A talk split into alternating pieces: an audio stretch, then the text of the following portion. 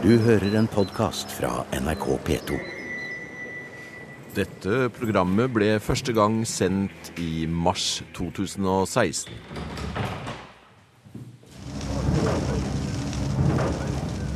Bølgene slår hardt i baugen, og skroget rister, og sluddet pisker mot vinduene i salongen når hurtigbåten skyter fart ut fra Florø.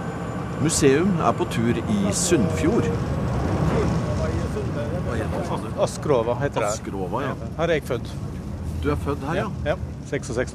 Bodd der i to, to og et halvt år før vi flytta herifra. Så jeg Akkurat. husker ingenting, men jeg har bodd der. Og du kommer litt lenger sørfra. Ja, Holmral i Askvoll. Over et uh, værhardt havstykke lenger sør. Gaute Losnegård og Egil Russøy er med oss på turen. Gaute er historiker, og han skriver Flora kommunes historie. Egil har skrevet bok om sine tipp-tipp-tippoldeforeldre. De var haugianere, og nettopp her sto den haugianske bevegelse særdeles sterkt. Nå er vi på vei til Svanøy, hvor vi skal ta inn på den staselige Svanøy hovedgård, hvor Johan Trygve Solheim regjerer. Reisen tar en 40 minutters tid med hurtigbåt. Vi skal høre mer om Hans Nilsen Hauge, og at hans gründerånd fortsatt preger øya. Men lenge før Hauge kom til Svanøy, var øya et sentrum i Sunnfjord. Fergeturen er snart over, og før vi går i land skal vi gjøre oss enda mer kjent med geografien rundt oss. Sogn og Fjordane er jo tre liksom, regioner, og Sogn og Sunnfjord og Nordfjord. Og Sunnfjord er liksom det midterste. Og nå er vi helt ute i havgapet i den delen. Her heter Brufjorden, som er liksom fjorden på nordsida av Svanøya. Mellom eh, Svanøya og eh, fastlandet som ligger innover eh, til høyre for oss. Ja, Og så fortsetter jo fjorden innover i Førdefjorden, da. ja det er liksom Som, den dypeste fjorden inn i landet akkurat her. Ja, det Ja, er og så har vi Sognefjorden sør oss, og så har vi Vi har Florø. Florø ligger rett fram eh, Ja. for oss nå. Og så har vi Svanøy rett her nå. Og så har vi Askrova, den nærmeste Ja. litt større øya til eh, venstre her, da. Med det fantastiske fjellet med snø på. Nei, det er Storebatalden. Ja, ja. Ja, Skorpa som ligger ved siden av der. ja. Ja. Men eh, det store fjellet med snø på, det er da Storebatalden. Der som tipp-tipp-tippoldeforeldrene mine flytta til. Etter de flytta fra Svanøy. Akkurat. Så flytta de dit. Bosatte seg der. Omlandet her, det er stort sett bare øyer og så eh, noe veldig sånn eh, skrint, busett eh, fjordarmer. Ja. Dette er jo et kart fra tidlig på 1500-tallet, der du kan se hva slags gårder som var busett, og hvor det sannsynligvis lå øyde. da. Nettopp. Og det er ganske tydelig at folk etter svartedauden flytta ut på kysten og samla seg mer ut på kysten i stedet for eh, å bo eh, opp gjennom daler og Ja. eh, inn i fjordarmer og sånn. Hva kan uh, forklaringa være til det? Forklaringa er jo at det ble færre folk. De ville helst bo på øyene, kanskje.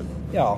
Du har, du har jo de rikeste fiskeplassene. Det har du her fra Hovden, Batalden, Kinn og Askrova. Flere ganger opp gjennom hundreåra så har det vært svære sildeinnsikt. Nett, nettopp. Og det var jo også grunnen til eh, at den grunnla Florø i sin Ja, silda har skapt mye, og da er, ja. den er ikke så trofast. Nei, den er absolutt ikke trofast.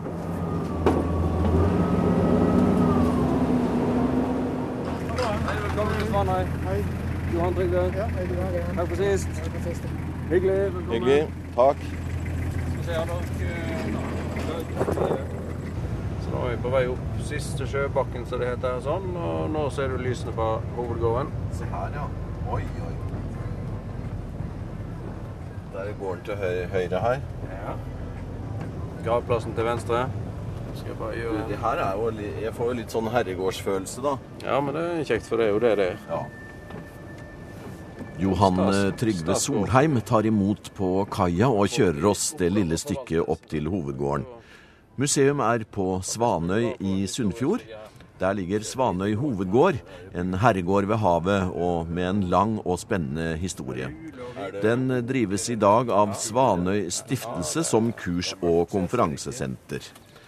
Den mest kjente tidligere eieren av Svanøy hovedgård er lekmannspredikanten og gründeren Hans Nilsen Hauge.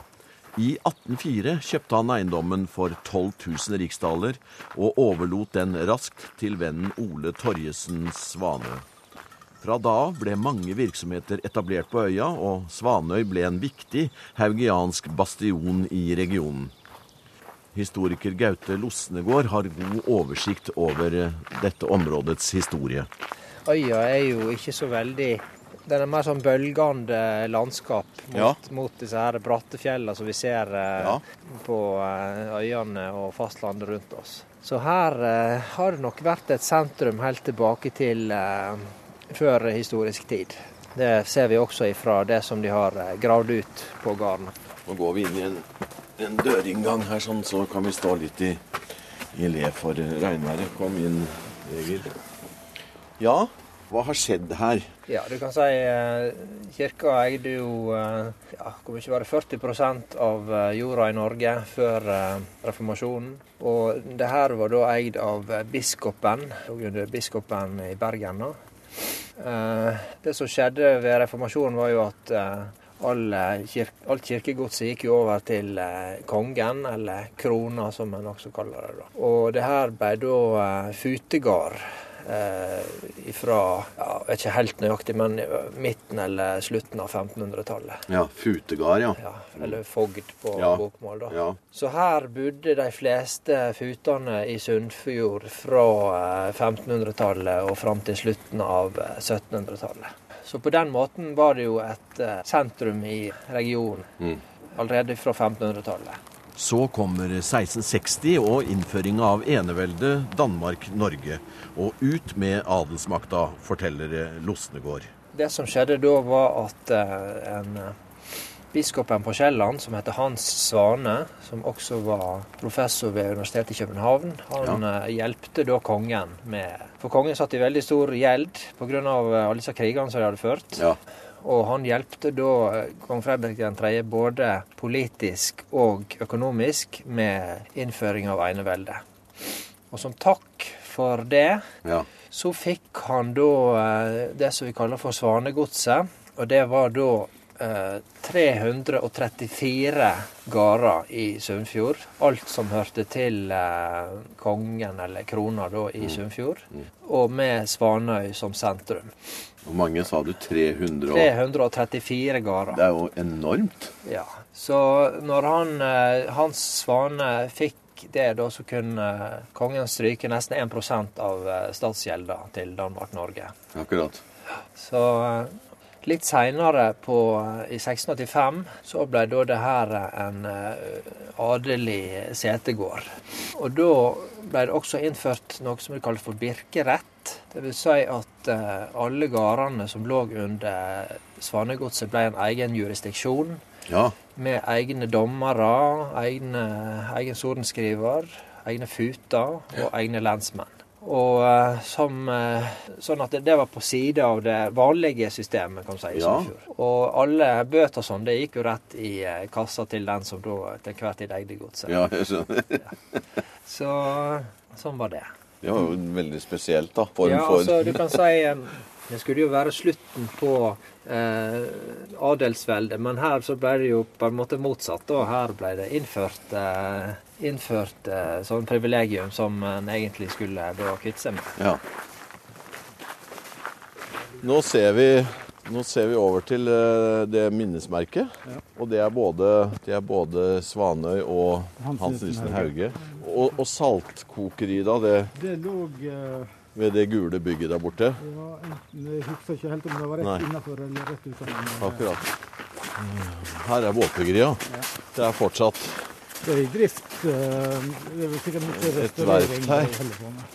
Men det var jo veldig allsidig virksomhet. da. Salt og sag og båt. Men eh, det er jo tre viktige ting i, i et kystsamfunn, da. Det gikk på sjølbjerging. Ja, klart.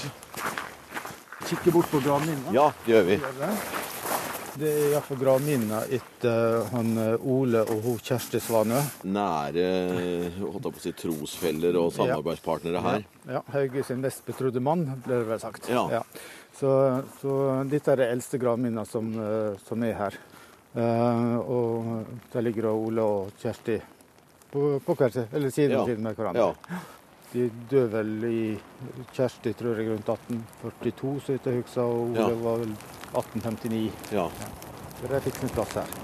Og laver eh, sludden ned etter hvert her, men vi, vi holder ut. Nå Ja. står vi her ved, ved disse to eh, viktige gravene. Kan si Hvis vi fortsetter fra eh, etter Svanegodset, da, så, eh, så var det en fut som het eh, Nagel. Og han òg var en sånn veldig kakse. Han eh, eide da eh, over 100 gårder rundt omkring, eh, for det meste i Sogn og Fjordane. Skiftet etter han det fyller opp over 100 sider i eh, skifteprotokollen. Ja vel. Og det som skjedde etter det, var at eh, sønnen hans fortsatte Men når han døde, så, så gifta kona seg opp igjen med en uh, hoffagent Jansson i Bergen, Ja. som da bodde på uh, Damsgård uh, hovedgård utenfor på Laksevåg. da. Ja, Damsgård er jo et uh, kjent navn i Bergen, da. Ja. Etter det så brukte de plassen her mer som en slags sånn eh, landsted eller ferieplass. da. Akkurat. Og så jo, kom jo den eh, kom jo da Hans Nilsen Hauge, eller hans mann, da, han eh, Ole Torjussen inn i bildet og kjøpte plassen i 18, 1804, ja. Ja. Mener å huske det sto i boka det at kontrakten ble skrevet i Bergen, eller? Den ble skrevet i Bergen. Det var vel eh, noen måneder etterpå selve kjøpet at eh, Ja. selve kontrakten ble skrevet. Det var på, eh, på Hauge sin avskjedsfest med Bergen. Da Hauge dro derifra, så Ja. nytta samtidig han Ole Svanve høvet til å reise ned og være med på avskjedsfesten, og samtidig skrive under på kontrakten. Hvordan, hvordan reiste Hauge rundt? Her i området var det jo veldig mye at han var med jekte. Han hadde jo jekte sjøl. Det hadde han også? gikk med. Så det var mye det han eh, brukte for å komme seg opp. Det var ikke så godt å gå til fots her. Eh, så det meste av Norge gikk han jo til fots, men her var det mest eh, at han enten for med egne jekter, eller at han var med andre. Ja. Vi er på kjøkkenet sammen med daglig leder på stedet, Johan Trygve Solheim. Sivilagronom og ingeniør og hjorteoppdretter og matmenneske. Hjortefrikadeller i fløtesaus står på menyen, og hjorten er fra Svanøy. Her hvor dette dyret finnes både i vill tilstand og som husdyr. Vi skal komme tilbake til det oppsiktsvekkende høye aktivitetsnivået som er på denne lille øya. Men eh, nå er det Egil Russøy sin tur. Han har eh, virkelig et eh, slektskap til historien på Svanøy.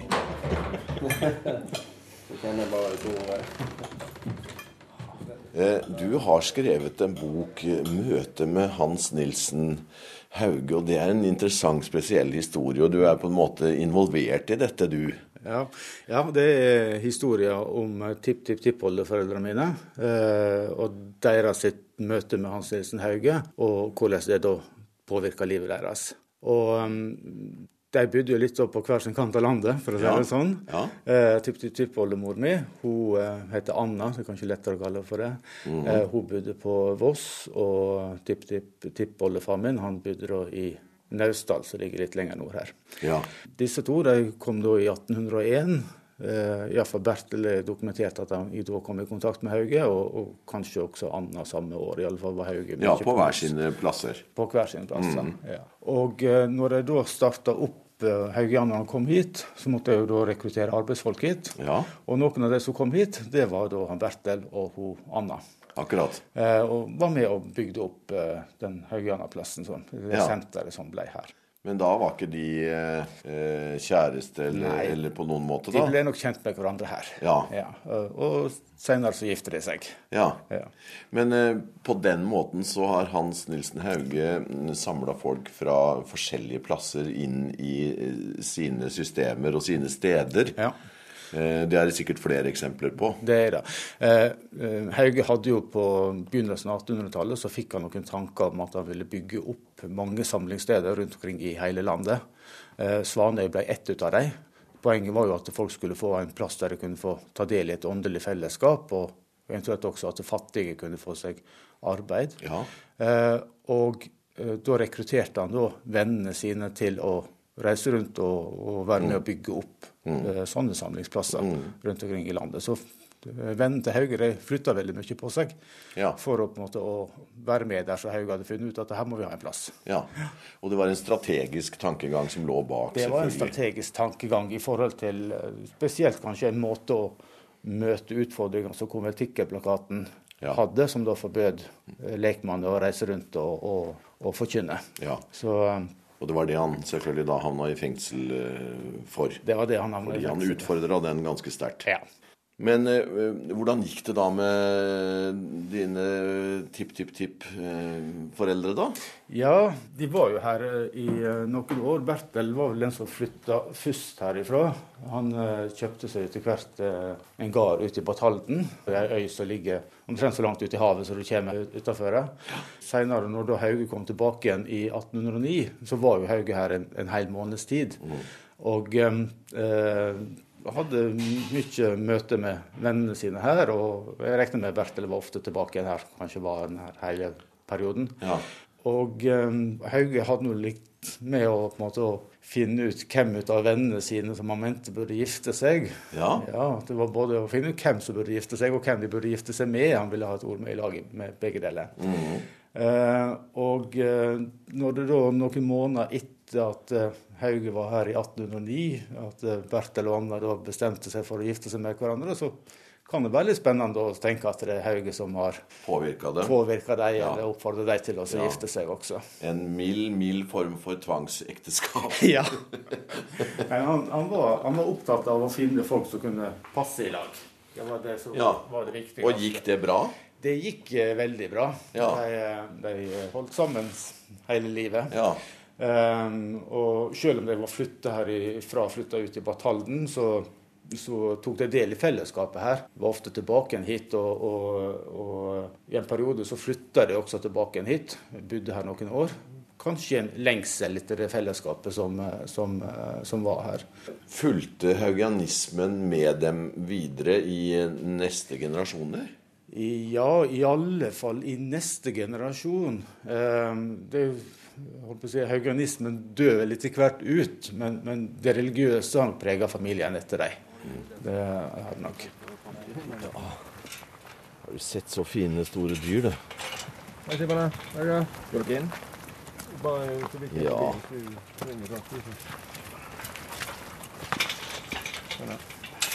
Hjemme kamera. Dette har for øvrig gjort til. Kan, kan, ha- kan, kan, kan du navnene på dem? Her er det da en svær flokk med- store hjort, altså. De er mye større enn jeg hadde forestilt meg. Ja, det var ikke det. Gjennomsnittlig norsk kolle veier 120 kilo levende. Og har mankehøyde 1 meter 50 cm. Hele ideen til Svanøy stiftelse det var jo med, med base på hovedgården. og restaurere og utvikle den. Og satse på å utvikle næring basert på naturressurser både på land og i vann. Og Det var jo grunnen til at eh, Svanøy stiftelse var veldig tidlig ute når det gjaldt havbruk, og var en av pionerene å utvikle det som i dag har blitt en enorm næring som ikke vi lenger er en del av, men som Ja. er veldig viktig for landet vårt. Og så har vi tatt fatt i and og gås. Har vi drevet stort med avlsstasjon. Eh, storfugl. Eh, Tiuren står jo på skapet der. Ja. Riktignok villskutt den, men den som var der ute, var fra da Ja. vi drev med det. Og så begynte vi med denne hjorten i ca. 1990. Og det har vist seg å bli en suksess. Nå er det over 100 som driver med hjort som et alternativt beitedyrbruk. Noen som hobby, men noen driver ganske stort. Eh, hjortekjøtt er veldig populært. Så det har gjort at det har balla på seg med, med hjort her. da. For her kommer alle som har lyst til å vite noe om hjort, de skal komme her en gang i løpet av livet. Eller være med på et kurs. Som kurs. Ressurskunnskapssenter. Ja, det det. Eh, men eh, du er jo et, da et eksempel på mm, den driftigheten som er på, på Svanøy. Hvor mange virksomheter har du? Tre? Fire? Ja, fire. Med, Fire. Med egen, da. Som- Og det er andre her som også har ja da, mange. mange. Ja da, de holder på. Det er eget røkeri her. Det er Svanøy røykeri som lager verdens beste, mener jo vi, eh, røykelaks. her. som er er blitt en veldig bra bedrift som gjør det veldig bra etter hvert. Og havbruksvirksomheten, som er to firmaer i dag, da er jo direkte avlegger av Svane stiftelse. Altså alle disse er avleggere av Svane stiftelse sine, sine forretningsideer eller Ja. initiativ. da. Og de gjør det veldig veldig bra og ønsker å bruke ressursene sine lokalt her for å utvikle mer. Fins det enda mer? Ja da, altså det, det er et gardsbruk til nord, der hvor eh, Erikstad, som vi diskuterte om Erik mm. Blodøkt kom fra, så fortsetter de med sau og tenker det. Og de er så heldige at de har fått neste generasjon til å overta og vil tilbake igjen og satse. En som driver med, med kjøttfeproduksjon og vurderer å utvide og skal drive større med det. Og alle drømmer vel egentlig om en gang å kunne slakte det på slakteriet her, slik at det skal være i størst mulig grad født lokalt slakta lokalt, og kunne alle da komme til Svanøy og spise det så det ble spist lokalt, da, så var jo det fantastisk. For det ene vil jo da øke verdien på det andre.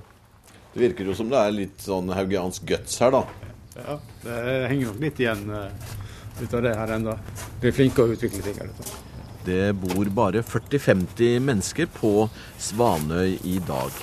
Men de har, i tillegg til alle de bedriftene som eh, Solheim nettopp nevnte, sin egen matbutikk og pub nede på fergekaia.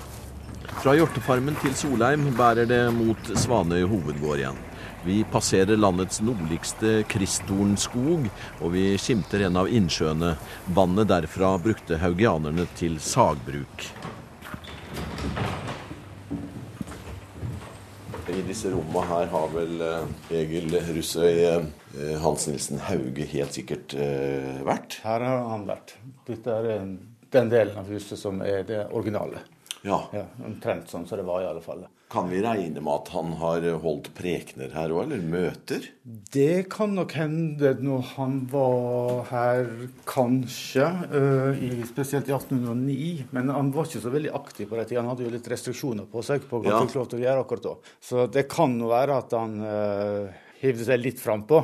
Men, øh, men øh, det kan jo også være at han var her øh, kanskje en tur på sommeren i 1804. Det, det vet jeg ikke. Men, men han var i alle fall i 1809. Da var han her en måneds tid. Akkurat. Eh, Men som sagt så hadde han restriksjoner på hva han fikk lov til å gjøre da. Ja. Så, så han holdt seg nok litt i taumene. Selv om biskopen i Bergen, eh, Brun, var jo en vennligstilt eh, mann for så vidt til haugianerne og den lekmannsbevegelsen som da vokste Han var nok litt vennligere stilt enn de fleste andre Ja. prestene. Det er rett.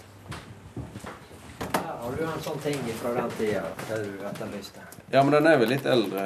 Eldre. Ja, altså denne bibelen her er jo familie...